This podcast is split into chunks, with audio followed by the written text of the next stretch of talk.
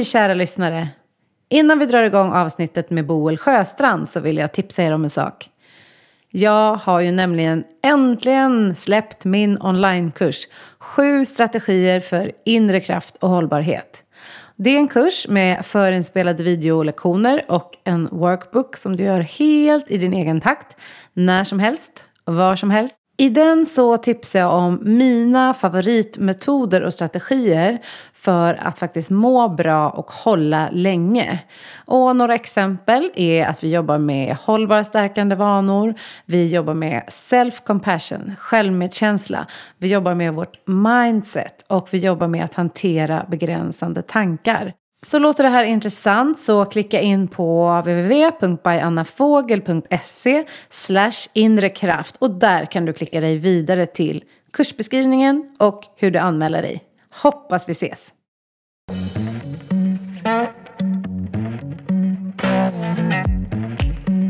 En kaffe med fågel är en koffeinladdad podd om livet inifrån och ut.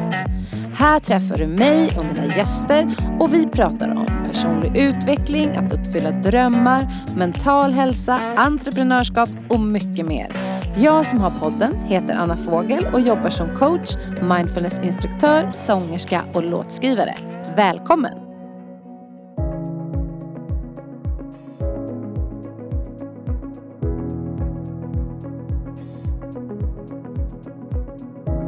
Dagens gäst i En kaffe med fågel är Boel Sjöstrand och hon är VD på Linkura som är en tjänst som hjälper ledare att ge medarbetarna möjlighet att må så bra som möjligt. Och både jag och Boel brinner ju för att människor ska kunna vara i sin fulla potential och kraft. Och det kommer vi prata om väldigt mycket i det här avsnittet. Vi pratar om varför det är olika hälsosatsningar till exempel inte räcker att tänka att människan ska vara inte sjuk. Utan snarare tänka att vi kan må bra och sen faktiskt må ännu bättre. Vi pratar också om att mäta hur kroppen mår och i en tid då vi mäter våra steg, vi mäter vår sömnkvalitet så är det ju en viktig fråga. Vad ska vi mäta och när ska vi mäta det och varför? Och vad gör vi sen med den data vi får på det vi har mätt? Och sen så pratar vi om varför coaching är så himla bra när vi vill genomföra livsstilsförändringar. Jag hoppas ni kommer gilla det här avsnittet med Boel Sjöstrand. Det är jag säker på att ni kommer göra. Jag tycker det blev ett grymt avsnitt.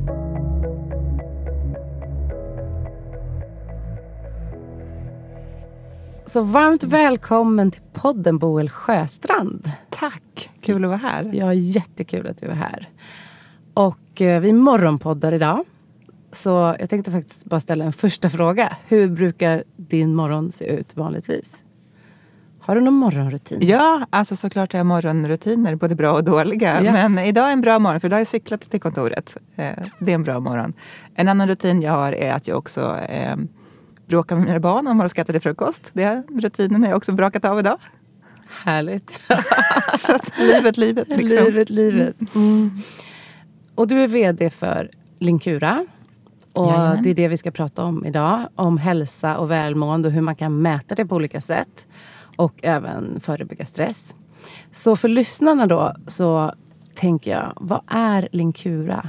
Ja, Linkura är en, en tjänst som hjälper eh, moderna ledare vill jag säga att ge sina medarbetare verktyg att bli så bra som möjligt egentligen.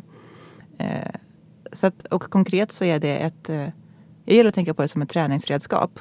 Att det är, man mäter på sin kropp hur man reagerar på olika saker i, i sin vardag. Och eh, man ser den, den datan direkt så att man kan göra justeringar så att man kan må så bra som möjligt. Och då kan det vara justeringar både som man gör i sitt privatliv. Att säga, jag ska inte bråka med mina barn. eller jag ska cykla till jobbet. eh, och det kan också vara saker som man kan komma överens om med teamet. Att säga, men titta, alla vi är superstressade här onsdag eftermiddag. Då kan vi inte vara så smarta. Vad kan vi göra istället? Så att det vi gör är att egentligen vi, vi, gör, vi, vi skapar ett klokt titthål in i kroppen. Så hur, vad händer egentligen i min kropp när jag gör saker? Och sen så coachar vi både med en digital AI-coach och med mänskliga coacher så att man får hjälp att bli ännu bättre. Ah, superintressant och superbra. Och jag jobbar ju en del med stresshantering själv och jag tycker det är ett sånt bra komplement. För att vanligtvis när man mäter välmående eller hälsa eller stress eller hur vi mår på jobbet så använder man sig av självskattningar. Och det är ju ett jättebra verktyg. Mm. Eh, men det, det ni gör är ju att addera en extra dimension. Precis. Och jag vet att ni också har liksom fått ut mycket intressant information kring att mäta vad som egentligen händer i kroppen versus självskattningen. Exakt. Kan du berätta lite mer om det? Ja, ja men jätteintressant. Um, jag tänkte på, apropå om man pratar om stress, så kan man ju tänka sig om någon, om någon visste att så här, nu är jag så nära att bli allvarligt sjuk av stress. Om man visste det, då tänker jag att väldigt få människor skulle bli sjuka av stress. Alltså mm. om man kunde veta. Eh, så alltså så vet man inte. Men det vi gör är ju så att det går att veta. Det går ju mm. nämligen att mäta det på kroppen. Och då blev jag intresserad. Alltså, men okay, man, om man kan mäta, det är ett fruktansvärt scenario att man blir sjuk. Men det finns ju också i, i andra änden av skalan att här, man kanske tycker att man är bra. Men att man mår bra. Men man kanske kan må jättemycket bättre. Man ja. kanske bara lever på halvfart och mm. har liksom normaliserat det. När det finns ett så otroligt rikt liv där man kan vara supersmart och jättehärlig. Mm. Liksom, tillgängligt. Verkligen. Så då med det sagt så blev jag nyfiken på så men vad är skillnaden då? Eh, hur mycket vet vi om oss själva, om vi skattar oss själva? Så eftersom Linkura är, ja, men vi kommer från forskning, en avknoppning från Linköpings universitet. Eh, så att vi forskar ju på allting vi kan forska på och mm. älskar fakta. Och eh, så, så.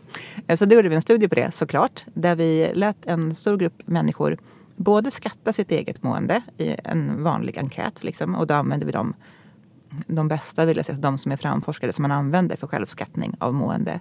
Och så jämförde vi det resultatet med när vi mätte på kroppen.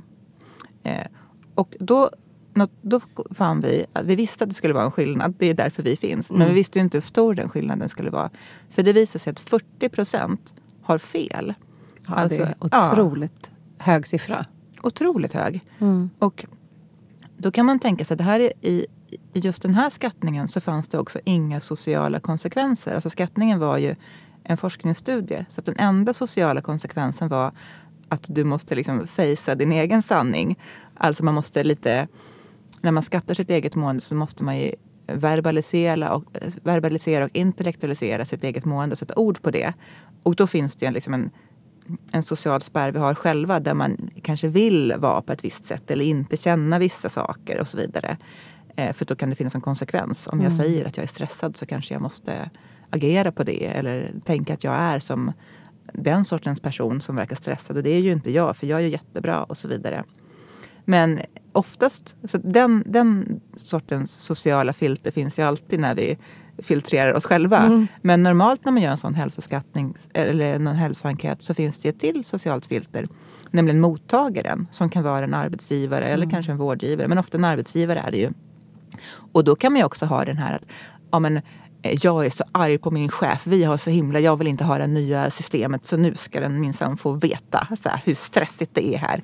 Eller så här, oh shit jag pallar inte någon himla mer teambuilding. Jag mår toppen, back off liksom. Så att, eh, men så det vi gjorde här var att vi tog bort alla de där sociala konsekvenserna. Och ändå var det nästan hälften som tyckte olika. Eller som tyckte mm. fel då. Och det var åt båda hållen som jag förstår eller hur? Att vissa som upplevdes, som sa att de var stressade var inte det kroppen och tvärtom. Precis. Mm. Om vi tittade på de som då hade fel, det är ju mm. ett konstigt ja. men ja. ja, det faktiskt liksom. Mm. Ja men såklart, eh, man, man har ju rätt till sin upplevelse. Men om man säger vad, vad kroppen säger då? Precis, ja. precis. Så att det är de som, där, där det var en skillnad på den egna upplevelsen av kroppen. Av dem så var två tredjedelar var sådana som var så här, nej men jag tycker det är toppen, livet är bra. Mm. Eh, kanske det är lite mycket nu, men så är det i livet. Medan kroppen var så här, sluta, sluta. Du är i allvarlig risk för wow. mm. stressrelaterad ohälsa här. Medan en tredjedel var, och på något konstigt sätt så vurmar jag liksom lite extra för den tredjedelen, eh, upplever sig vara under väldigt hög stress, men kroppen är helt okej. Okay. Mm de vill man ju bara krama om lite. Och ja, bara, alltså apropå, för jag tänker mm. att den subjektiva upplevelsen är ju sann. Ja. Och så stark. Mm. Och, tänk om man, och jag tänker att den är, det finns mycket oro i den. Tänk om man bara kan lyfta bort den oron. Mm. Och bara, jag förstår att du har det jobbigt men just det här behöver du inte bekymra dig om. Mm. Och du är inte i riskzonen. Liksom. Precis, du är inte den, i farozonen. Nej, den delen av livet är okej. Liksom. Ja. ja. men det är superintressant. Och då tänker jag också på man hör ju väldigt många historier. Jag kan ju relatera till det själv. Människor som verkligen går in i väggen. Mm. Så upplever man som att det kom som en blixt från klar himmel. Och sen när man tittar i backspegeln så ser man att man har haft jättemycket symptom. Mm. Men just när man är under hög stress och hög press, då är ju en del av överlevnadssystemet att du ska inte lyssna in, för du Precis. ska bara överleva. Exakt. Och det är därför det också blir så otroligt knepigt. Och där det är så himla Ja. bra att verkligen kunna se vad händer i kroppen. Vad säger min kropp Precis. om hur jag mår? Ja, för jag, det går inte. Så hjärnan, vi är ju byggda så att det inte ska gå att se de signalerna. Mm. Alltså för att hjärnan stänger ner det långsiktiga tänkandet. Det är ju superbra när man är under stress. Då ska man inte hålla på att tänka Nej, långa exakt. tankar. Liksom.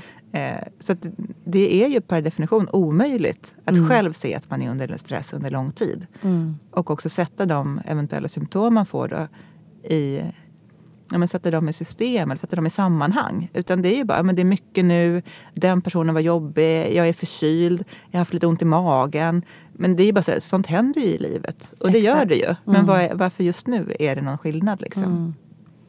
Mm. Ja, men så spännande. Och sen jobbar ni med coacher. Precis. Och det är också intressant för att det finns ju, jag är ju själv coach och det finns ju vissa saker som inte AI och det digitala kan ersätta. Mm. Men ni jobbar både med AI-coacher och vanliga coacher. Exakt. Hur kompletterar de här varandra? Ja, eh, jag tycker det här är jätteintressant. Gränssnittet, så här, vad kan människor göra och vad kan människor inte göra? Mm. Och den, den gränsen flyttas i och för sig. Det är ju spännande i sig nu om man tänker på så här, hur, eh, hur man kan interagera med Siri och så vidare. Men eh, vi har en AI-coach som, kan, eh, som tittar på datat och kan ge rekommendationer utifrån det och skapa reflektion. Men det kommer man långt. Liksom. Så här, Titta, just nu ser din kropp så här. Eh, fundera på vad hände precis innan, vad hände precis efter. Eh, Men för att skapa en reell förändring så behövs ju motivation. Eh, Och den motivationen är ganska svårskapad. Man kan ju skapa den genom skrämsel. Eh, Att man säger shit pommes frites, är det så här illa? Eh, Men, eller så här, jag är så pepp, jag vill nå si så. Men man når inte riktigt, även om man, om man är så motiverad så behöver man ofta en, en social förstärkare. Alltså så en, en, en människa som både kan, både kan vara eh, Ja, men det handlar om någon slags pepp och det låter så förminskande för jag tycker att det är jättestort. Mm. Alltså den som verkligen kan få skapa en förändring. Ehm, men också hjälp att sätta sitt liv i kontext. Och att kanske så här, hitta en lagom ambitionsnivå. För en AI-robot kan ju inte eh, än på ett bra sätt hjälpa till att förstå hela upplevelsen av hur det är i de där mötena på jobbet eller vad man vill prestera eller hur man känner sig när man går och lägger sig. Utan, men det kan man göra i ett samtal med en människa. Exakt. Och så finns det så stor kraft i liksom det empatiska lyssnandet och att du känner att någon hör Exakt. din upplevelse. Alltså jag tänker att det bara i det finns det en läkning. Precis, precis så. Det Och det mellan- kan inte en app lösa. Liksom. Nej, nej det mellan, alltså vi är ju människor Mm. som behöver varandra. Ja. Så det mellanmänskliga är verkligen Mm. starkt och viktigt. Och speciellt när man gör, om man vill förändra saker i sitt liv. Det är ganska stora ingrepp. Även om det är små förändringar så Mm. kan känslan vara stor. Och det tänker jag, då är det lätt att tänka så här, men så kan det vara om man är eh, om man är väldigt sjuk av stress och behöver bli bättre. Ja, men då känns det uppenbart så. Men också om man är jag tänker om, om när man vill prestera bättre, när man vill gå från så här, men jag mår bra och vill må ännu bättre. Det kan man också se att folk tenderar att ta hjälp av människor. Allt ifrån så här, man, eh, man gillar att lyssna på guidade meditationer Mm. istället för att meditera själv. Eller man går till en PT på gymmet. Eller man går, det finns ju det finns ju väldigt många olika slags rådgivare och coacher i alltså allt från liksom, ja, men, tänker jag frisörer eller så personal shoppers Mm. till liksom, eh, personliga bankmän som ger rekommendationer hur du ska Mm. förvalta eh, ditt sparande. Så att vi, vi tenderar ju att tycka om någon annan människa som bryr sig och eh, lyssnar. Mm. Och bryr sig om min utveckling Precis. även om det är att jag bara vill må toppenbra. Liksom, och Precis. Komma in i nya vanor. Ja, så är det verkligen. Ja, men vi behöver varandra. Ja. Men jag gillar att ni använder båda två. Mm. tycker det är väldigt spännande. För att det kan jag ibland känna med mina coachklienter att jag också skulle vilja ha typ en egen app. ja. Eh, som kunde hjälpa dem att logga eller alltså, så, Mm. sådana saker. ja men precis. För en styrka med en digital coach är ju att hen alltid är tillgänglig. Mm. Exakt. Alltså när som helst. Eh, och liksom, det blir helt på ja, men klientens liksom, mm. premisser. Att så här, men nu, nu har jag feeling, nu undrar jag över någonting. Ja men då är coachen där, redo och pigg liksom. Mm. Och har inget annat i sin agenda Nej. än att hjälpa till. Exakt. Så det är ju väldigt, det är en lyx liksom att kunna ha båda. Och det gör också att coachsessionerna kan bli mer relevanta. Eh, för då kan man eh, då har man, dels så kan coachen vara med och titta på datat längs vägen. Så att även när man bara träffas en gång i veckan eller varannan vecka eller ännu mer sällan så kan ju coachen följa utvecklingen. Och mm. istället, då behöver man inte ha så mycket så vad har hänt som sist utan då kan man vara ganska rakt på. Mm. Så det är också en mäktig del, att hur man kan kombinera det. Oh, supermäktigt. Eh, jag vet att det finns en sak både du och jag brinner för och det är att hjälpa människor att vara i sin kraft. Ja. Och sin potential och kunna må bra och känna, ja, men känna sig bra, ha självförtroende, energi. Mm. Allt vad det innebär. Vad betyder det för dig att vara i sin fulla kraft eller fulla potential? Ja, vilken bra fråga. Jag tänkte faktiskt på det här eh, mm. faktiskt i morse. Och då, då tänkte jag det här kan man inte säga högt för det är så himla genant. Men nu sitter jag i en podd och kommer säga det högt. Då. Våga. Ja, jag vågar. Jag, jag tror på Nej men så här. Eh, jag, för mig att vara i min kraft, jag har en ganska stor tilltro nu kommer det. jag har en ganska stor tilltro till att jag är smart. Alltså att jag, har, eh, att jag är smart, jag fattar saker snabbt, jag är duktig på att sätta saker i system och jag har en hög verbal förmåga. De här sakerna i kombination är liksom jag älskar det med mig själv ja. och jag tycker att jag är så bra på det. Ja, och det får du säga i min podd. Tack! Jag, jag sitter och rodnar lite så här. Men man så ska ju veta sin plats. Men oftast jag det, men inte nu då. Men, nej, men skämt åsido så är det för mig är det en ganska stor del av min personlighet. Att jag är bra på det här. Jag tycker det är kul när jag får utlopp för det. Eh, jag har ju haft liksom, under min karriär eh, olika jobb där jag har kunnat få, där det här har varit viktigt för mig och viktigt för min framgång och viktigt för bolagets framgång, den förmågan. Eh, så att jag tycker verkligen att när jag känner att så här, nu är jag så krispig i det här. Jag älskar den känslan. Den är Underbart. så liksom fulfilling på något sätt. Mm. Eh, men jag märker också att när eh, det behövs inte så mycket för att den här förmågan ska bli lite så här fransig i kanterna sovit lite dåligt, bråkat om frukosten. Mm. De små sakerna, lite många, lite stressad. Eh, så, så, bli, så tappar jag den kvaliteten. Och det, det påverkar mig ganska mycket. Mm. För att jag inte, och det handlar inte om att det jag gör då blir dåligt. För jag tror att jag fortfarande säger ja, men så här, eh, helt okej okay med någon slags good enough-nivå. Men jag känner inte att jag får blomma ut i den här härliga känslan mm. av... Din inre känsla Precis. om dig själv. Exakt. Och jag mm. tänker att alla har, alla har någon grej när man, där man känner så här, när jag gör det här då här, lite i hemlighet, så här, då är jag så rackarns bra. Alltså.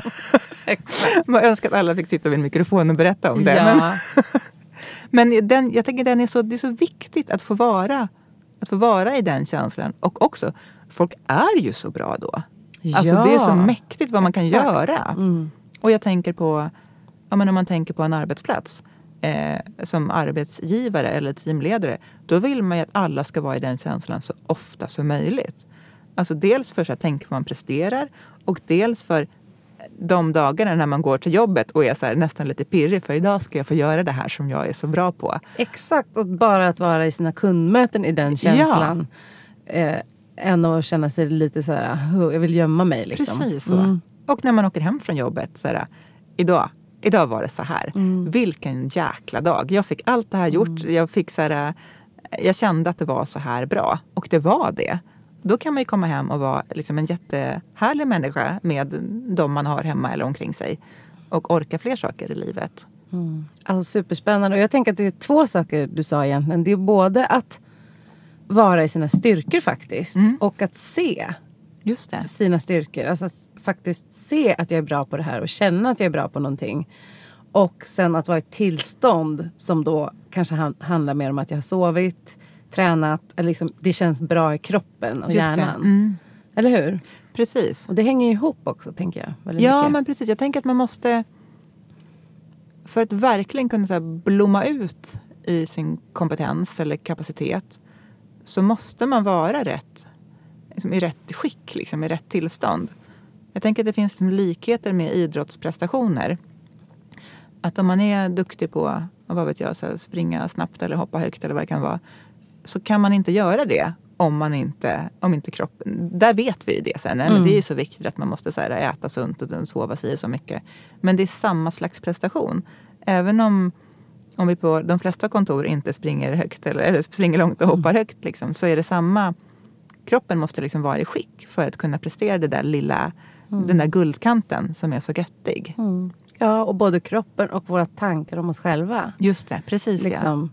För att jag tänker att det är också en stor källa till att människor inte mår bra. Att man Mm. själv har väldigt kritiska tankar om sig själv. Verkligen. Och den man är eller sin prestation. Så det är så både den mentala och fysiska biten egentligen. Precis. Mm. Och det kan ju också finnas tankar som, är, som blir begränsande. Att så här, det här är så viktigt, jag får inte misslyckas nu. Mm.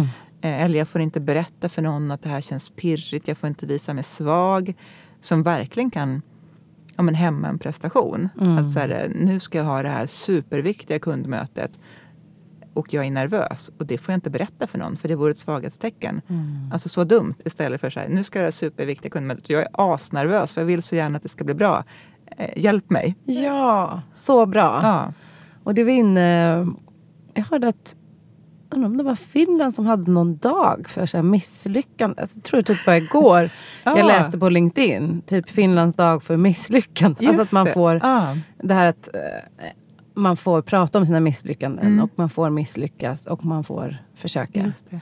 Men det där tycker jag är så intressant. Mm. Med, för det finns ju, jag tycker många företag är duktiga på att de har så här, eh, så här miss, det, finns något så här roligt, ja, men några har så här fredagsfika med tema så här failure-fika eller Ja. något sånt där. Ja, det Ja. finns ju massa sådana. Ja.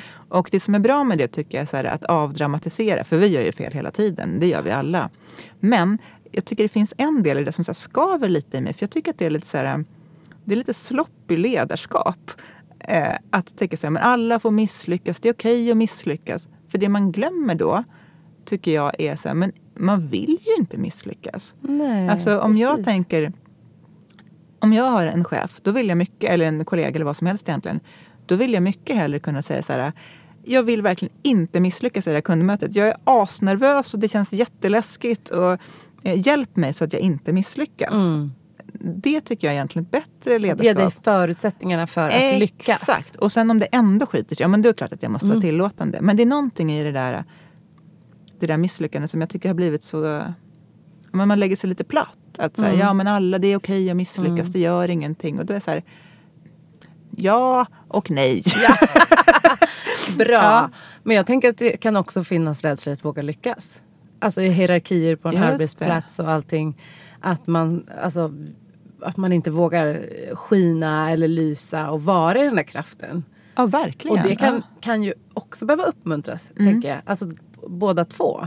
verkligen. Alltså, jag satt ju här så här och skämdes för sig. Får jag Ja, säga att jag tycker att jag är smart? Ja, jag menar det. Och jag brukar fråga mycket så här, är Ja. du stolt över det? Och Ja. det märker jag att människor, det beror ju på vem man är. Alltså, vissa kanske har lättare att berätta om sina misslyckanden. Mm, Men vissa kan ju ha väldigt svårt att berätta vad de är bra på. det. eh, vad de är stolta Mm. över. Och då blir det lite så här skäms. Det är verkligen sant. Det är svårt att... Man blir väldigt sårbar när man säger att man är bra på någonting. Mm. För då riskerar man att någon kan säga så här, va? Nej, så är det inte. Nej? Eller Och- vad skryter du är. Ja, just det, precis. Vad- vad- Ja. Ja, intressant. Ja. Mm. Ja, men det är intressant apropå att vara i sin fulla kraft. Att Precis. på något sätt tillåta alla delar av sig själv Ja. också. Mm. ja, men precis. För det ligger ju i... Om man kan få säga så här, jag är så bra på det här och jag tycker att det är härligt att jag är bra på det. Jag vill fortsätta vara bra på det. Då blir det inte ett hot för någon annan på Nej. samma sätt som om det bara blir skrävlet. Så här, jag är så bra på det här och det Exakt. betyder att alla andra inte är bra på det här. Eller, Exakt. Vi alla ska kunna Ja. få vara bra. ja, och precis.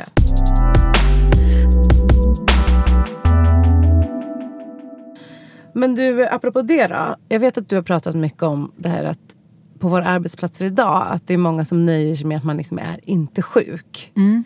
Eh, och vi var inne på det lite innan. Just men det. vad, det kan ju vara att man tar in er tjänst eller produkt för att nu ska folk inte vara sjuka. Just det. Men det kan också vara att Mm. människor redan mår bra. Mm. Men att man vill ju optimera sin egen hälsa och sina Exakt. medarbetares hälsa. För vissa saker kan AI och Mm. digitaliseringen göra. Ja. Men den mänskliga liksom, faktorn, Mm. både privat och på en arbetsplats. Om vi kan optimera den, Ja. vad kan vi göra då? ja men För precis. fantastiska saker. precis, precis, vad kan vi göra då? Ja. Nej, men, alltså, det här är ju liksom det som jag går igång på nästan mest kring det vi gör. Mm. Jag är liksom intresserad av hur, hur vi har liksom varit duktiga på att optimera så mycket i samhället och på arbetet. Alltså vi har, varit, vi har byggt teknik bättre och bättre. Vi har byggt infrastruktur bättre och bättre. Vi, har, ja men, vi håller på att bygga mycket saker bättre och bättre. Men idag så får ju liksom en majoritet av eh, medarbetare i, ja men i Sverige och i Europa och västvärlden får ju betalt för att tänka. Men vi har inte optimerat än så här, hur man kan tänka så bra som möjligt. Mm. Fastän det är det viktigaste vi har. Mm. Och med tänka menar jag, det, det kanske är en förminskning, men tänka är liksom hela det, det som ingen maskin kan göra. Det är ju det som Mm. vi får betalt för att göra på jobbet. Mm. Att vara kreativa, komma på nya lösningar, Precis. bygga våra relationer, allt det. Ja, precis. Och vara så här, Mm. komplext tänkande, vara lyhörda för saker som händer i omgivningen. Eh, omsätta det i en återkoppling till en kund direkt eller i så här, en ny affärsutveckling eller en ny idé. Eller så här, mäkta med att säga nej till något som är så här, inte Prioritera nu. på Mm, ett klokt sätt. precis. Mm. Allt det där kan ju bara människor göra med den kvaliteten. Eh, Men då har vi varit så dåliga, eller vi har fortfarande inte eh, liksom varit duktiga på att optimera det. Vi gör ju massa dåliga saker istället. Så det där är jag jättenyfiken på. Hur... För det finns ju, liksom, när man pratar om de sakerna som vi pratar om, som handlar om mående och hälsa på olika sätt, så hamnar man så ofta i och vi började lite där idag också, Mm. för det är så tillgängligt, men med stress och så vidare. Och det som är när det tippar över och blir eh, sjukt. Mm. Eh, och det är inte konstigt, för vi är, väldigt många är det väldigt ofta. Mm. Och det är ett stort samhällsproblem ja, också. alltså liksom. att man ska Ja. verkligen inte, så här, inte säga att det inte är viktigt. Men jag är så intresserad, och det behöver hanteras, liksom, verkligen. Och det är massa pengar och massa psykiskt lidande i det. Men det är intressant just om man tänker på om vi optimerar hur bra vi blir på att, eh, låt oss kalla det tänka då, men liksom, där finns ju en jätte, ett jätteutrymme för människor att producera så mycket bättre på jobbet. Det är liksom att bygga Verkligen. våra muskler. Ja. Och det tänker jag att så här, det finns inte så mycket verktyg för att göra det. Utan när man, när man vill det, eh, ja, men då hamnar man lite diffust i så olika... Ja, men man brukar prata om så här, men då måste vi satsa på ledarskapet och vi kan satsa på självledarskap. Och det är bra, men man vet fortfarande inte så hur bra blev det då? Gör vi rätt saker? Är det här det vi säger i den här ledarskapsutbildningen relevant för alla? Går det att applicera för den här personen i den här kontexten? Det blir väldigt teoretiskt och det blir inte så mycket göra på riktigt. Liksom. Mm. Så det där tycker jag, det, det behövs liksom ett verktyg där. Mm. Och det här tycker jag är så kul såklart med Linkura, att vi kan vara det verktyget. Att man kan se, så här, ah shit, vi gjorde så här och då blev det så här. Mm. Fantastiskt. Och även tänker jag då kunna se till exempel när på dagen presterar vi bäst. Just det. För det finns ju också någonting om man tänker någon slags energy management. Alltså liksom, Ja, när ska vi tänka kreativt? Där är det såklart alla Mm. olika. exakt. Ja. Det finns en bok, han heter Daniel Pink, Ja. som har skrivit en bok som heter When. Mm, Har du läst den? Nej, Nej. men den står i min mobil på listan över Ja, böcker som jag ska läsa. Ja, men jag, har läst, jag har lyssnat på honom i en del poddintervjuer och sådär. Mm. Och jag tycker att det är väldigt intressant det här att eh, de flesta människor, Mm. me, merparten av människor mår ju bäst av att lösa de komplexa uppgifterna på förmiddagen. Det. Ja. Inte alla, för det Nej. finns ju de som är kvällsmänniskor och de som är så super, super morgonpigga. Ja. Men de flesta av oss är i det Just det. spannet till exempel. Men då kanske det går åt till att svara på mejl. Mm. Ja, Vilket är en ja. uppgift som man borde göra när man inte behöver sin peak. Precis. Kan ni mäta, alltså kan ni mäta sånt? Ja. Så här, hur, så här, hur mår vårt team bäst? Vilken tid på dagen? Mm. Men det är jättespännande. Vi mäter ju liksom i realtid i princip. Alltså Mm. Man mäter hela tiden och så laddar man upp sitt data i en app. Så jag, jag skulle kunna titta nu i den här podden. Så här, hur, hur är det här just Ja. nu? Är det här liksom återhämtande för mig eller är det ett stresspåslag? mm. Jag skulle Eh. tänka mig att det är ett litet stresspåslag för båda. Eller? Ja, det tror för jag att man med. är lite så f- extra fokuserad och, och så. Precis. Eller ja. vad tror du? Ja, jag skulle tro det också. Verkligen. Ja. Eh, och också så här, vad bra. För Ja. det är ju så här, vi jobbar ju hårt nu. Vi Ja. vill att det ska bli jättebra. Ja. Så nu kör vi liksom. Och, och du var ju duktig innan att så här, se till att vi landade lite innan. Mm. Så här, kom Boel, du var lite, jag var lite så här, jag kanske kom sent. Då fick vi sitta ner, det var lite Mm. återhämtning så man får fokus. Och sen efteråt så vet vi nog båda två att så här, men då, nu har vi haft en, en prestation, nu får man komma ner i varv lite innan man går på nästa. Precis. Men det där mäter vi i... Så att i appen så ser man på, ja, men på minutintervall, egentligen 15 minuters intervall. Att så här, hur, hur är min stressbelastning nu och hur, hur snabb är jag på att komma ner i varv? För det är det som är intressant. Alltså att, vara, att ha en prestation är inte farligt. Det är ju så här härligt. måste vi liksom. Ja, jag har jättekul just nu. Liksom. så, att, så, här, eh, så att bra att det är en prestation. Men det viktiga är att här, snabbt komma ner eh, i varv. Och den där förmågan att snabbt komma upp och snabbt komma ner i varv, den går att träna upp. Och det är egentligen, det är egentligen hela nyckeln till välmående och prestation. Att vara, att vara effektiv i att komma upp och komma ner i varv. Så vi mäter Ja, men som svar på frågan så kan vi, nu spann jag iväg lite på Mm. själva, vad som är häftigt och vad som är, det, vad som är den viktiga grejen, det här med upp och ner i varv. Men om man tittar på, eftersom man då kan se på minutintervall, så kan man titta så här, när på dagen är jag stressad och när är jag inte stressad. Och då kan man ju veta, så här, men vad gjorde jag egentligen i förmiddags? Om jag spelade in en podd, så ja men bra, här var jag igång, härligt. Eller så här, jag satt och betade av mina mejl. Eh, och då, kan, eh, och då kanske det var så. Jag blev ju jättestressad av det. Då konsumerade jag min, all, all min energi på någonting som inte var det viktigaste. Mm. Så att, så här, och det spännande med det är att vi också är olika. Jag vet att jag har en kollega som får jättefin återhämtning när han får sitta och gå igenom sina mejl. Medan för mig så blir det ofta en stress för att ja, men jag tror att här, det är lite som man sitter med datorn och det är massa olika saker att sortera hela tiden. Så här, vad behöver jag? jag? Måste jobba, jag måste ta ställning till så många saker. Liksom. Mm. Och man kan tänka, ja men andra, andra mer uppenbara saker är ju hur vissa får jättemycket återhämtning av att vara med andra. Eh, ett kundmöte kanske liksom man som säljare tycker är jättehärligt. Man får en bra relation med kunden och man känner sig nu, nu har vi flow. Eh, Medan andra kan känna så här, men shit, måste vi träffas också? Mm. Kan jag inte bara få vara i fred och tänka på det här? Det har vi ju mär- verkligen märkt nu under corona också. Verkligen. Hur många är ju såhär, woho, jag vill aldrig mer gå tillbaka till jobbet.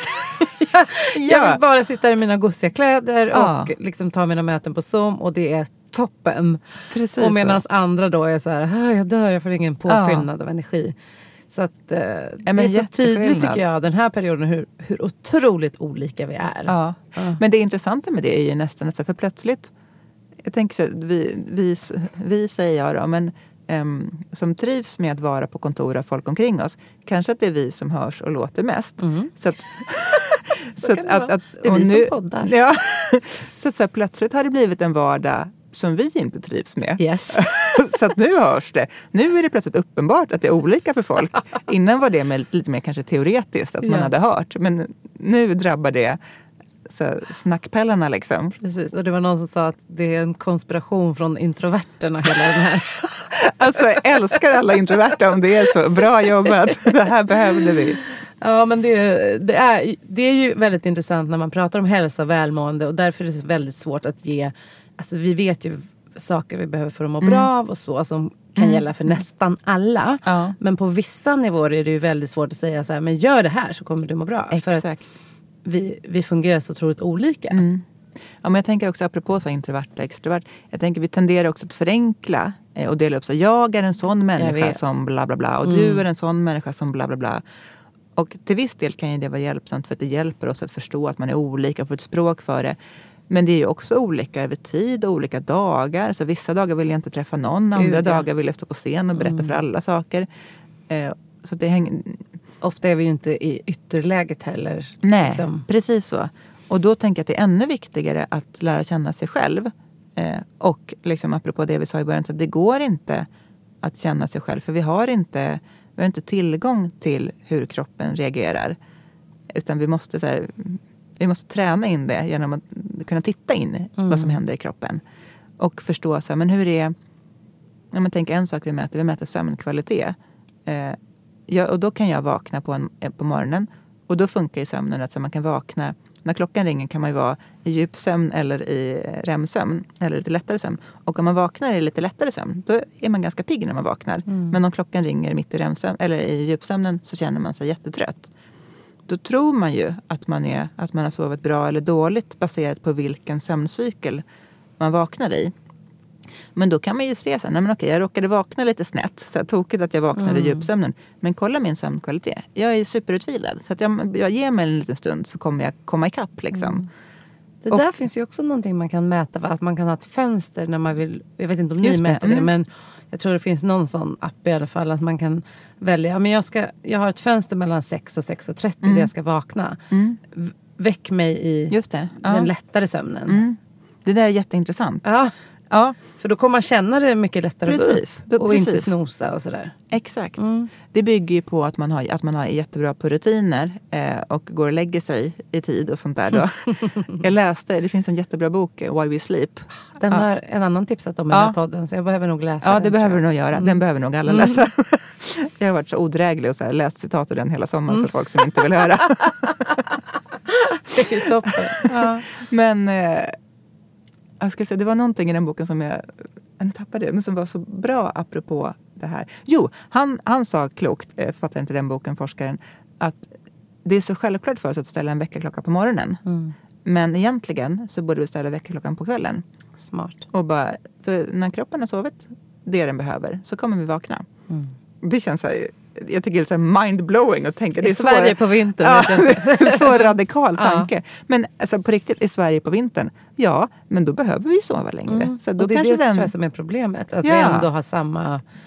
eh, Vi går ändå i samma tid till jobbet Ja, också. och vi ställer samma krav på oss själva fastän kroppen är så här, nej jag behöver gå och lägga mig. Mm. Så att, då ska man ändå så här ha, när jag är en person som går och lägger mig halv elva eller elva eller vad man gör. Kanske behöver lägga sig halv tio. Ja, så här, Mm. nio. Alltså bara gör något crazy och se vad som händer. Jag har blivit den. Jag med. Som lägger mig på helgen ibland, så här, på fredagar, är lite trött. Bara, Mm. Kan man gå och lägga sig nu 9.30 liksom? Ja, man kan det, det är så skönt. Så älskar jag att va- att vakna typ superutvilad på Ja, helgen. ja. men Ja. Alltså, apropå att vara i sin fulla Ja. potential.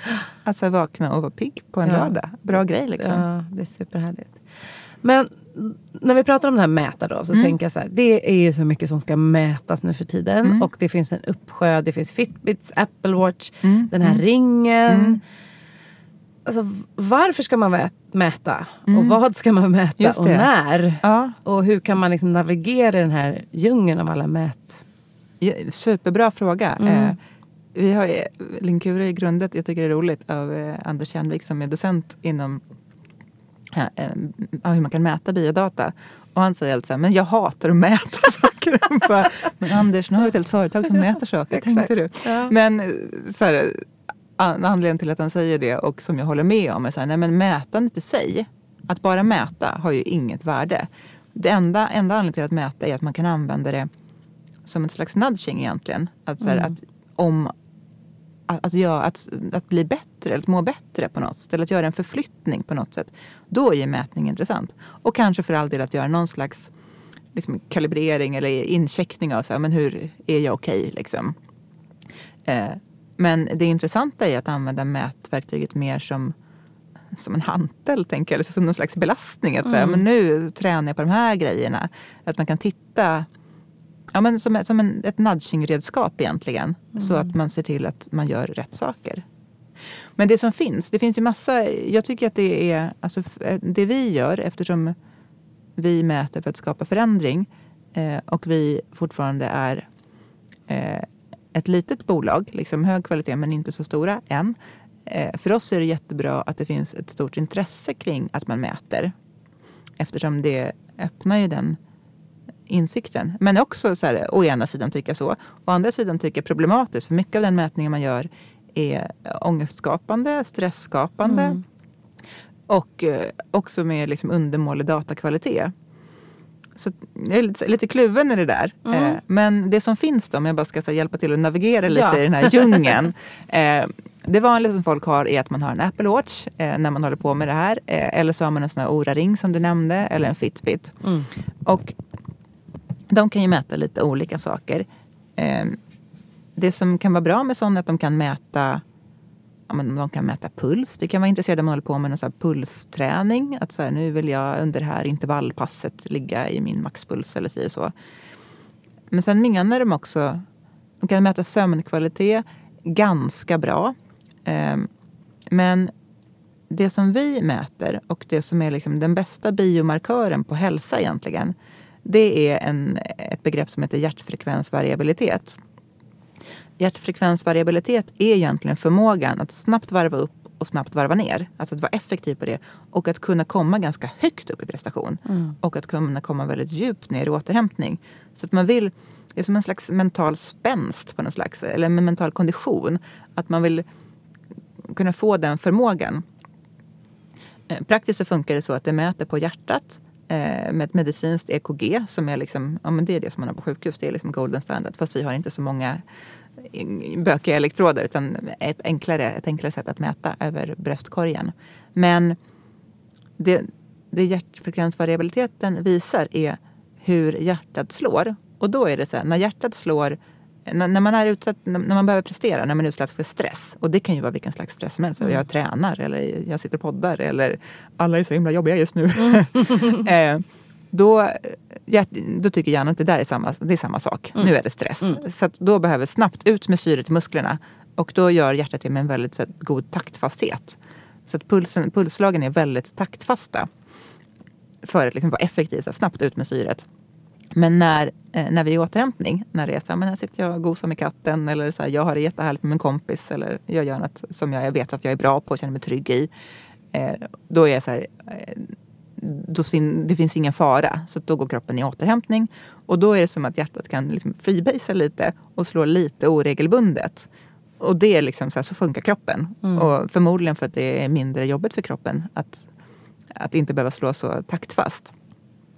Och det häftiga, så det man kan mäta då är just det, hur slår hjärtat? För det är den bästa biomarkören på när kroppen är stress och när den inte är stress. Mm. Och problemet nu är ju att många är, kanske inte högsta stressen, men man är lite högre puls Ex- hela, hela tiden. Precis. För det, vi har lite andra faktorer som stressar oss än traditionellt Exakt. tigern på savannen. Ja, ja, liksom. ja, precis. Det Då var där det lättare gamla, så här, ja. här är ett hot och nu Ja. är hotet över. Precis så. Och nu är det mer så här, åh jag ska gå in på ett samtal Ja, med nu är- chefen, känner mig jättehotad. Jag har en full inkorg, känner mig jättehotad. Och så går vi liksom från hot till hot till hot. Precis. Så att vi är liksom, jag tänker så här, sociala medier är liksom vårt ja men lejon gud ja.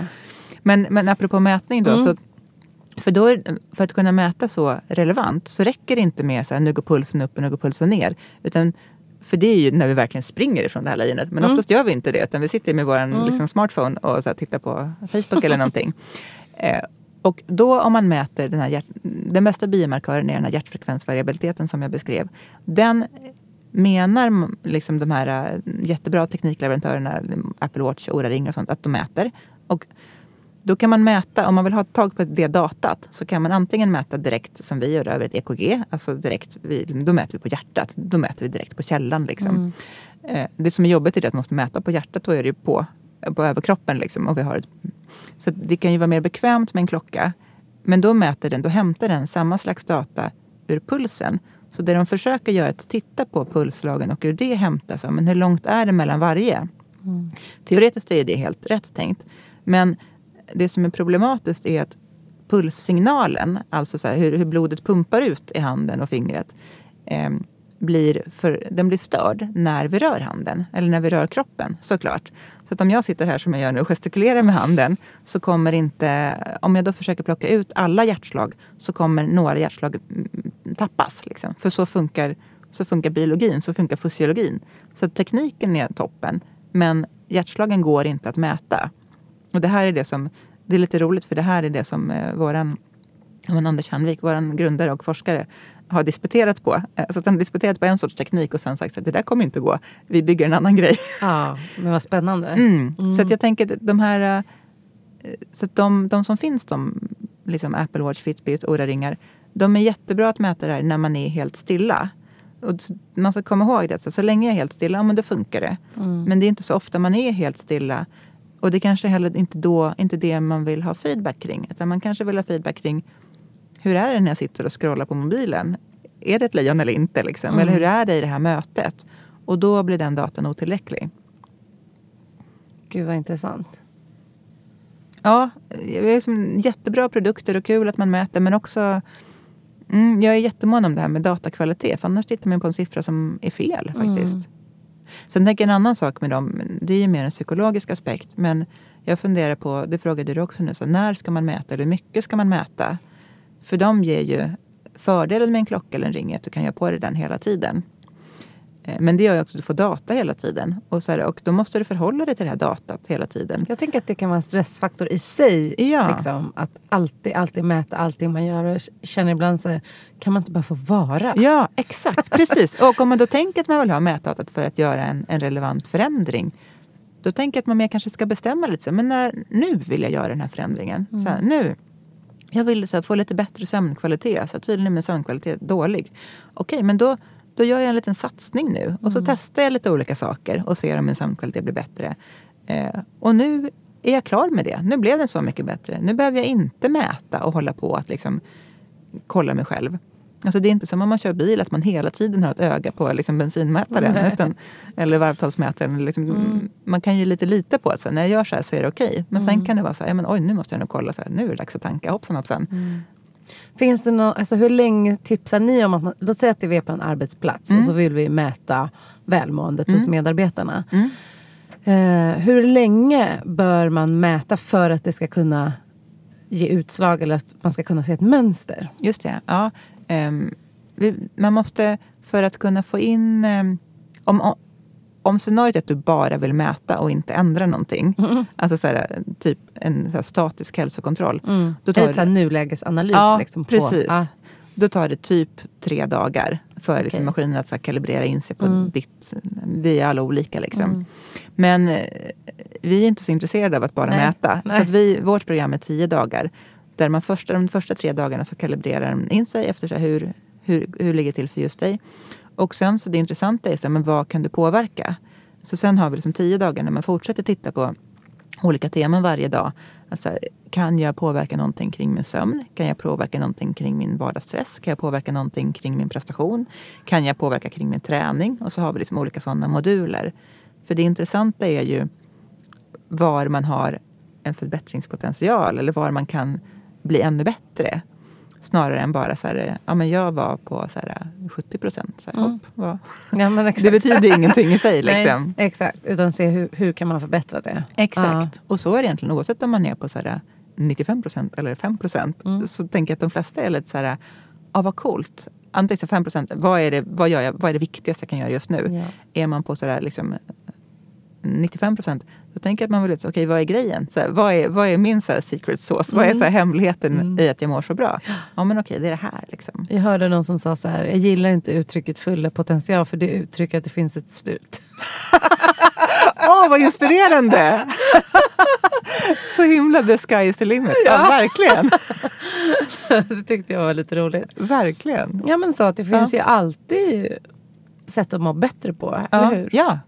Ja det, jag Även om man är på de där 99 procent då. Vad- Visst. Ja. Ja. Ja, för att, och sen tänker jag i och för sig då att det är inte så många som är på 99 procent. Utan att man normaliserar att vara på 50 procent. Mm.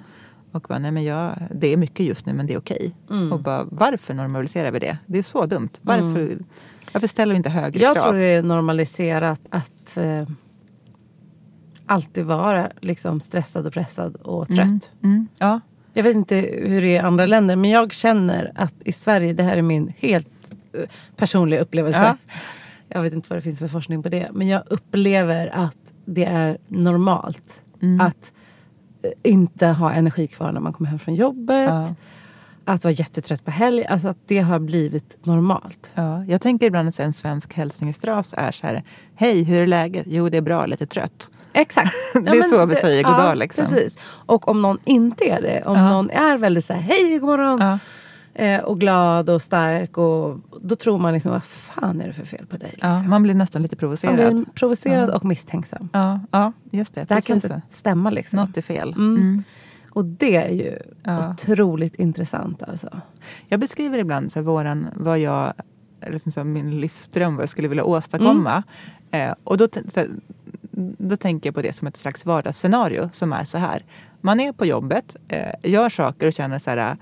Jag hann med allt jag skulle idag. Det var så kul. Jag känner mig så bra. Ja. Nu är arbetsdagen slut eh, och jag går hem och får feeling. Så här, jag gör det här. Jag tar med mina barn till basketplanen eller jag bakar ett bröd. Eller jag drar igång det här projektet. Eh, och nu känner jag mig trött och går och lägger mig och det känns bra. Mm. Och när man beskriver det, just det där så hur, man, hur man känner sig så bra på jobbet och att man sen kommer hem och har liksom lite extra energi. då skrattar folk. För att det är så här, ho, ho, ho, tänk om det var så sjukt i livet. Det var det knäppaste jag hört. Jag tänker att vi borde förvänta oss det av Ja. livet. Verkligen. Så här, Absolut. ja, all teknikutveckling. All, vi har så mycket kunskap om hur människan funkar och vi har så mycket kunskap om teknik. Eh, och vi är duktiga på att liksom, få ihop det här. Men ändå bara nöjer vi oss med liksom, ja, men att här, normalisera att inte orka någonting och att ofta vara lite stressade. Mm. Ja, det är sorgligt faktiskt. Ja, och korkat liksom. Mm. Och du, om du fick, nu sa du lite om det där, Mm. men om vi säger att du fick åka en tidsmaskin då, tio år framåt. Mm. Och så gick du och träffade några arbetsplatser som hade fått pris för sitt arbete med hälsan. Ja, Vad, vad skulle de ha gjort då? Vad skulle, du säga, vad skulle de Mm. säga till dig? Ja, men då skulle de berätta att så här, hos oss så vet alla hur de mår och vad de behöver. Eh, och utifrån det så, jobbar de, så, så skapar vi förutsättningar för både de individerna att agera på vad de behöver och mår. Eh, och vi förstår att alla är olika. Och vi hittar också synergier där det, där det är många som behöver samma sak. Så hjälper vi som arbetsplats till att möjliggöra det. Alltså, det är så här, också tack vare att vi gör det. Alltså att vi lyssnar egentligen så här, nej så här nu, nu, nu blir jag ännu djärvare, nu Mm. Ja. var jag så himla krånglig i formuleringen. Men egentligen så här, vi sätter strategier utifrån hur människor mår. Mm. För vi vet att så här, människor som är i sin fulla potential då, eh, de kommer alltid fatta rätt beslut och vara kloka. Så att vi ser bara till, vi skapar förutsättningar för alla att må toppen. Och sen vet vi att det rullar. Och som det rullar, kolla våra siffror. Yes, Den. exakt. Den. Där vill jag jobba. Ja, ja. Ja. jag tänker att vi vill ha med, här, en annan så här, liten dröm jag har som jag inte tycker borde vara så långt bort. Mm. Är att man ska ha med eh, återhämtningsförmågan eller mental kondition eh, eller liksom mental hälsa i årsredovisningen. Mm. Alltså vad kan vara, om jag skulle investera i ett bolag, vad skulle vara viktigare än hur de som jobbar där mår? Jag tänker det finns ingenting annat som kan prediktera hur det här bolaget kommer klara närmsta året. Alltså inte ens liksom Ja, men så här, branschen ser ut si och så, rå, jag vet inte, råvarumarknaden, bla bla bla, si och så. För det handlar bara om människors förmåga att snabbt agera och ställa om. Mm. Och det kan man bara göra om man är liksom svinsmart och lyhörd. Mm. Och det är man bara när man mår bra. Liksom. Så är det verkligen. Och just den förmågan att då kan man ju klara så mycket fler motgångar också. Om man har en grund, en grund där man faktiskt mår bra och har en motståndskraft. Precis. Det Mm. vore jättespännande nu, tänker jag, under, så här, eh, under liksom coronapandemin nu. Om man kunde titta på hur bolag hur bolag klarar det, alltså hur det, hur det korrelerar med hälsan innan. Mm. Jag är helt säker på att de som har gjort det här eh, på ett bra sätt, givet förutsättningar i olika, olika branscher, har varit de där man har mått ganska mycket bättre från början än där det inte har gått bra, där man nog har mått sämre innan. Exakt. Oavsett om man sedan har tvingats till liksom varsel eller uppsägningar. Så hur man sköter sådana saker och hur snabbt man kommer upp på fötterna igen när, när marknaden vänder. Det tror jag korrelerar direkt med hjärtfrekvensvariabilitet egentligen. Ja, och det är ju ens förmåga att kunna hantera Mm. sådana här saker som en pandemi. Det är ju jättesvårt. Ja. Men det har de ju sett i undersökningar både i Sverige och England. Att den psykiska ohälsan har ökat. Och det är framförallt de som redan mår dåligt. Mm. Som mår sämre. Ja, och vad fasansfullt. Såklart Ja. är det så. Mm. Så, så att om vi från början hade hö- mått bra. Mm. Eh, då kanske vi inte hade blivit lika påverkade och mått Nej, lika dåligt. Liksom. Så att det här är ju... Jag tycker det är så intressant att prata om hälsa på arbetsplatsen. Och för det är ju, om alla drar sitt strå till stacken, Mm. alltså vi som individer och arbetsgivare och som samhälle, det är då vi kan skapa en riktig förändring. tänker jag. Och det är som att man bara Exakt. höjer Ja, grundnivån. pre- precis. liksom. Ja. ja, men jag gillar att tänka på det som Mm. kondition. Ja. Om man har en rätt bra kondition, om man sen då blir sjuk, Mm. så här, eh, förkyld, ja, men då kommer man ändå så här, vara ganska snabb tillbaka på det när man kan börja träna igen. Mm. Och att det är samma sak, om man har en god mental kondition, om man då drabbas av någonting, så här, nej jag måste jobba hemifrån fast jag inte vill, eller så här, eh, ännu hemskare saker som Ja. man kan råka ut för. Ja. Ska inte skoja om sånt, men det, man kan ju bli av med jobbet och så vidare Ja. och ha nära anhöriga som går Mm. bort och sånt. Att ju bättre grundkondition man har, desto bättre är man på att dels hantera det när det händer och också liksom bounce back när, när det lättar. Mm. Så att jag tänker verkligen på det som en kondition som man kan träna upp. Och som, apropå det vi pratade om tidigare, att man inte ska vänta tills man är sjuk. För då går det inte att träna kondition. Då kan du bara träna rehab. Mm. Ingen, liksom, ingen elitidrottare har ju blivit stark bara genom att vara duktig på skaderehabilitering. Utan det är ju det stärkande, Mm. det konditionsökande som är intressant. Så är det ju verkligen. Och eh, de här tuffa motgångarna, de kan ju vara jättetuffa ändå. Men Mm. har man en grund så, så blir det ju lättare. Ja. Och jag, kan, jag är lite förvånad över hur lite det har pratats om under den här pandemin. Vad vi kan göra för att stärka vår hälsa faktiskt. Mm. Jag tänker på... Och det känns som det nästan är lite känsligt. Alltså så för att, alltså man kan alltid drabbas av sjukdom. Mm, ja. Hur hälsosam man än är i grunden. Och det vill jag vara jättetydlig med. Mm. Men det finns ju också saker man kan göra för att eh, minimera att bli sjuk. Ja. Jag tänker också så här, dels finns det saker som gör att man minimerar att man blir sjuk. Mm. Sen finns det saker som man kan göra att om man ändå blir sjuk så kommer man hantera det bättre. Mm. Jag tänker så här, begreppet resiliens tycker jag är bra. Så här, mot, så här, vi, vi, finns ju Mm. liksom, vi kommer ju drabbas av saker i livet. Mm. Vi funkar så som människor och så funkar världen. Liksom. Mm. Så att, men förmågan att hantera när det händer går ju att träna upp. Exakt. Och den, där, den muskeln vill man ju ska vara jättestark. Mm, exakt. Spännande du. Men eh, det är också lätt att man blir rädd för stress. När Mm. det pratas mycket om stress och stressrelaterad ohälsa. Du var inne på det lite förut. Mm. För stress, vi behöver ju kunna stressa. Mm, ja. Och det är en jätteviktig funktion. Mm. Och det kan jag säga från personlig erfarenhet. När man har varit utbränd Mm. så förlorar man ju förmågan att kunna gå upp i stress Just det. Mm. under en period. Ja. Eh, och då blir allting bara väldigt långsamt. Och eh, man har inte balansen i systemet. Nej, att kunna nej. gå upp i stress. Och därför kan man bli jättestressad bara att se ett mejl. Liksom, Mm, man är så känslig. Mm. Man blir liksom allergisk nästan. Ja, man är nästan aller- allergisk och har ingen motståndskraft Mm. kvar.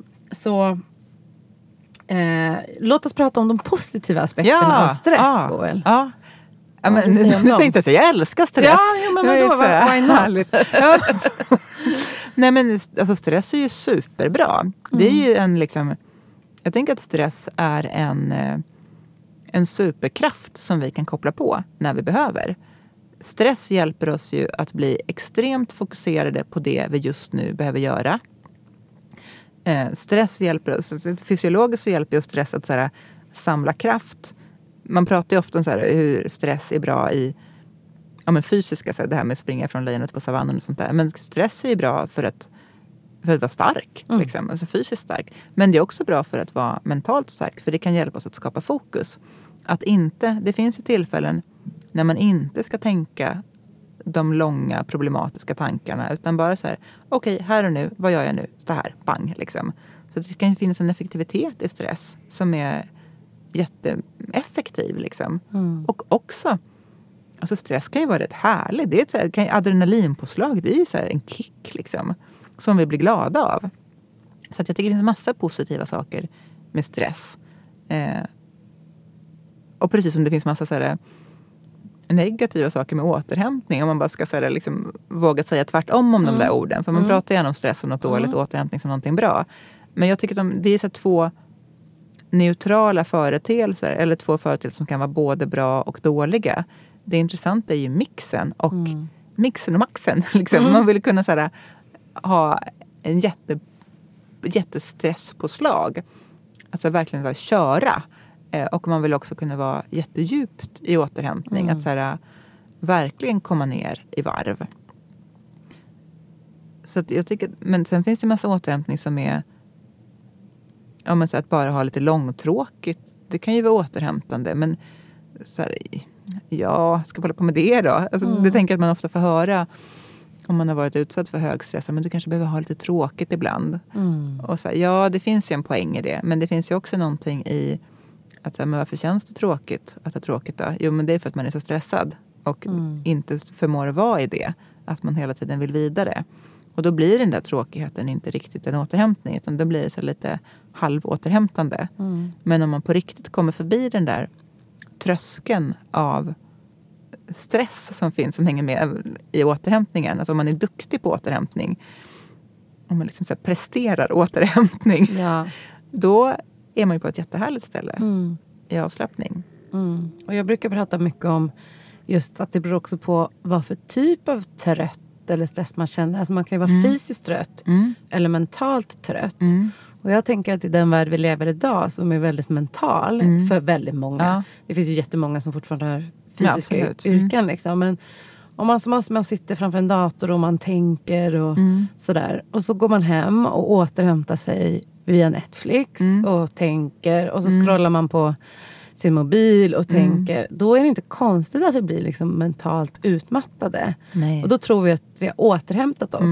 Fast vi egentligen kanske skulle behövt gå på gymmet eller en Mm. Ja. promenad Ja. och röra på oss. Exakt. Eh, så Alltså det är det- också ja. intressant att tänka, är jag verkligen fysiskt... För det är lätt att tänka, jag är trött. Mm. Och då går jag inte och tränar, jag går och vilar istället för jag är trött. Men jag kanske bara egentligen är mentalt trött. Ja.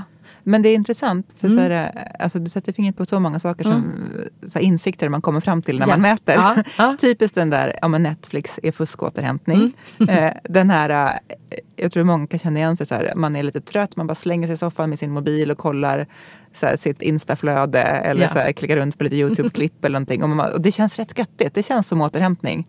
Men icke så mycket, Nej. inte återhämtande alls. liksom. Nej. Fuskåterhämtning. Men Mm. också apropå det du säger om träning. För det finns, några säger så och några säger så här, men när jag har haft en tuff dag på jobbet då, då måste jag ut i skogen och bara så här, tokspringa eller då måste jag gå till gymmet. Mm.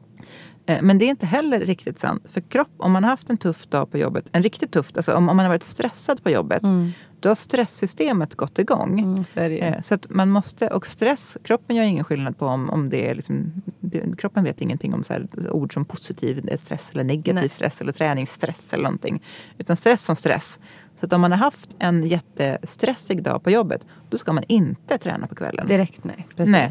Mm. Utan, och mm, jätteviktigt att man kommer ner i återhämtning eh, och sen får man se om man orkar träna. Mm. Den dagen när det var så stressigt, då kanske man ska ta en promenad. Mm.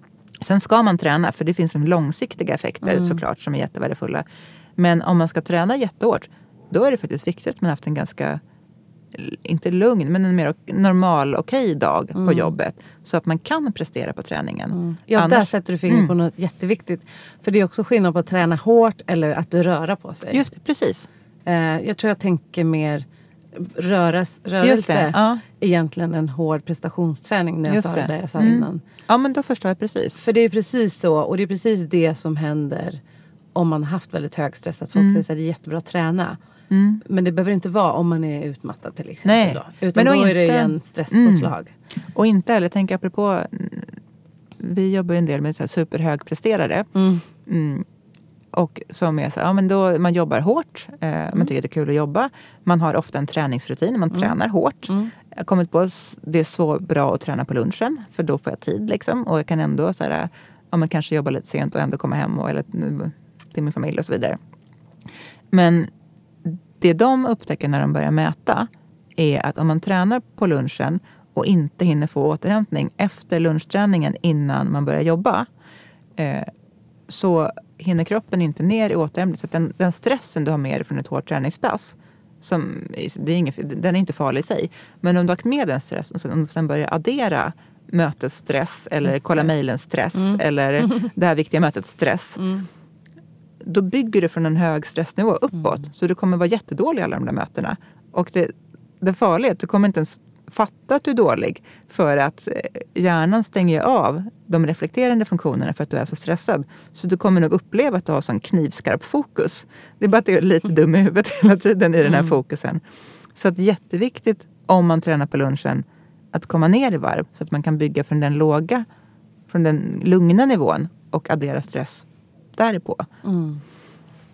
Så det handlar ju hela tiden om att gå upp och ner i nivå. Ju. Det är ju egentligen det det handlar om. Att Precis. balansera allting. Mm. Precis. Och egentligen samma sak, att träna sent på kvällen tycker många också, då sover man så gott sen. Mm. Ehm, men då sover man, om man tränar sent på kvällen, då har man med sig adrenalinpåslaget och stresspåslaget in i nattsömnen. Mm. Vilket gör att kroppen går ner i djupsömn. Eh, så att man kan säga, åh jag sov som en klubbad säl, eller vad man säger, jag sov som en sten. Ja. Liksom. Eh, och det gjorde man, och det var inte bra, för man fick ingen återhämtning i sömnen. Så att om man har med sig stressen in i sömnen så blir sömnkvaliteten sämre. Även om du sover dina åtta timmar så har du liksom inte fått rätt sorts återhämtning. Så därför är det viktigt, även om man tränar på kvällen, inte träna för sent. eh, och hinna komma ner i varv. Mm. Så att man är... Eh, men vi har en coach som säger det så bra. Så här, jämför med, men hur brukar du lägga dina barn? Ja, men vi byter om till pyjamas och sen springer de omkring lite grann i det. Och så, så läggningsrutinen tar lite tid. Mm. Det kan många tycka är jobbigt då i och för sig. Men att man kanske behöver den tiden för att komma ner i varv innan man går och lägger sig. Mm. Och inte tro att man kan komma hem från, dusch, från träningen, ta en snabb dusch och gå och lägga sig.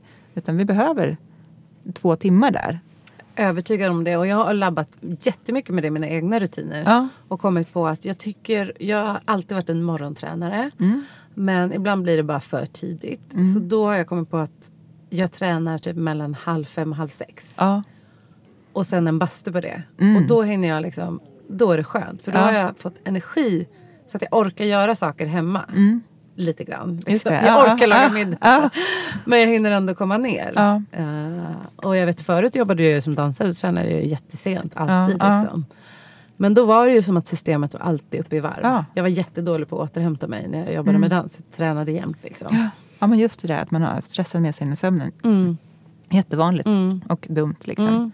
Och det gör det ju jobbigt för folk för det är redan nu svårt att få in träningen i vardagen. Och Exakt. sen säger Ja. jag så här, och dessutom är det de, de luckorna jag hittat är Så, dåliga. Sluta nu med alla...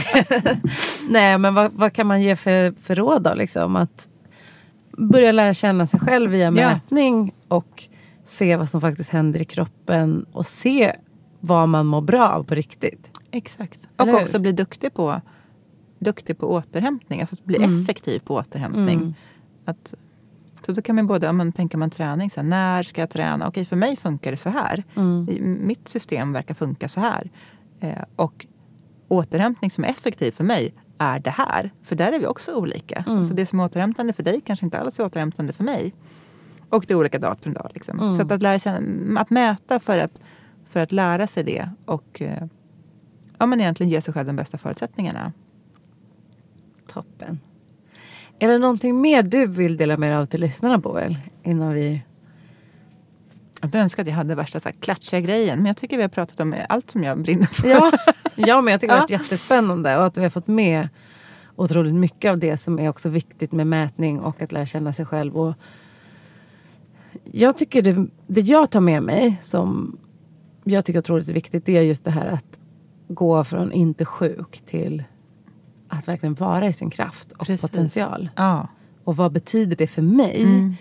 Och börja ställa sig själv den frågan faktiskt. Kanske speciellt om man är en sån här som alltid säger så här, ja, jag är lite trött, orkar inte. Varför är det så? Mm. Och vad kan jag göra för att förändra det? Ja men precis. Ja, men för nu tänker jag skulle vilja så här, så här, shout-out till alla eh, teamchefer eller chefer. Så här, tänk om alla i ditt team mådde svinbra. Vad skulle ni kunna göra och vad skulle ni slippa? Och att det faktiskt är görbart. Exakt. Toppen. Och var kan lyssnarna hitta om de nu är Mm. nyfikna på Linkura och nyfikna på dig? Mm. Var kan de gå in och leta? Just det, då kan man gå in på link- linkura.se. Mm. Jättelätt. Och man får jättegärna höra av sig till mig. Eh, också jättelätt. Mm. Boel snabel-a linkura.se. Lätt att komma ihåg. Trevligt. Och finns på LinkedIn och sånt där. Connecta gärna. Ja, så connecta gärna med Boel. Och eh, stort tack Boel för att du kom hit och för det arbete ni gör. Det har varit jättekul att ha med dig i podden. Ja, men tack för att jag fick vara här. Mm. Och vilket kul samtal det var. Eller hur? och tack alla lyssnare också. Ja, Ja. såklart. Mm. Hej då. Hej då!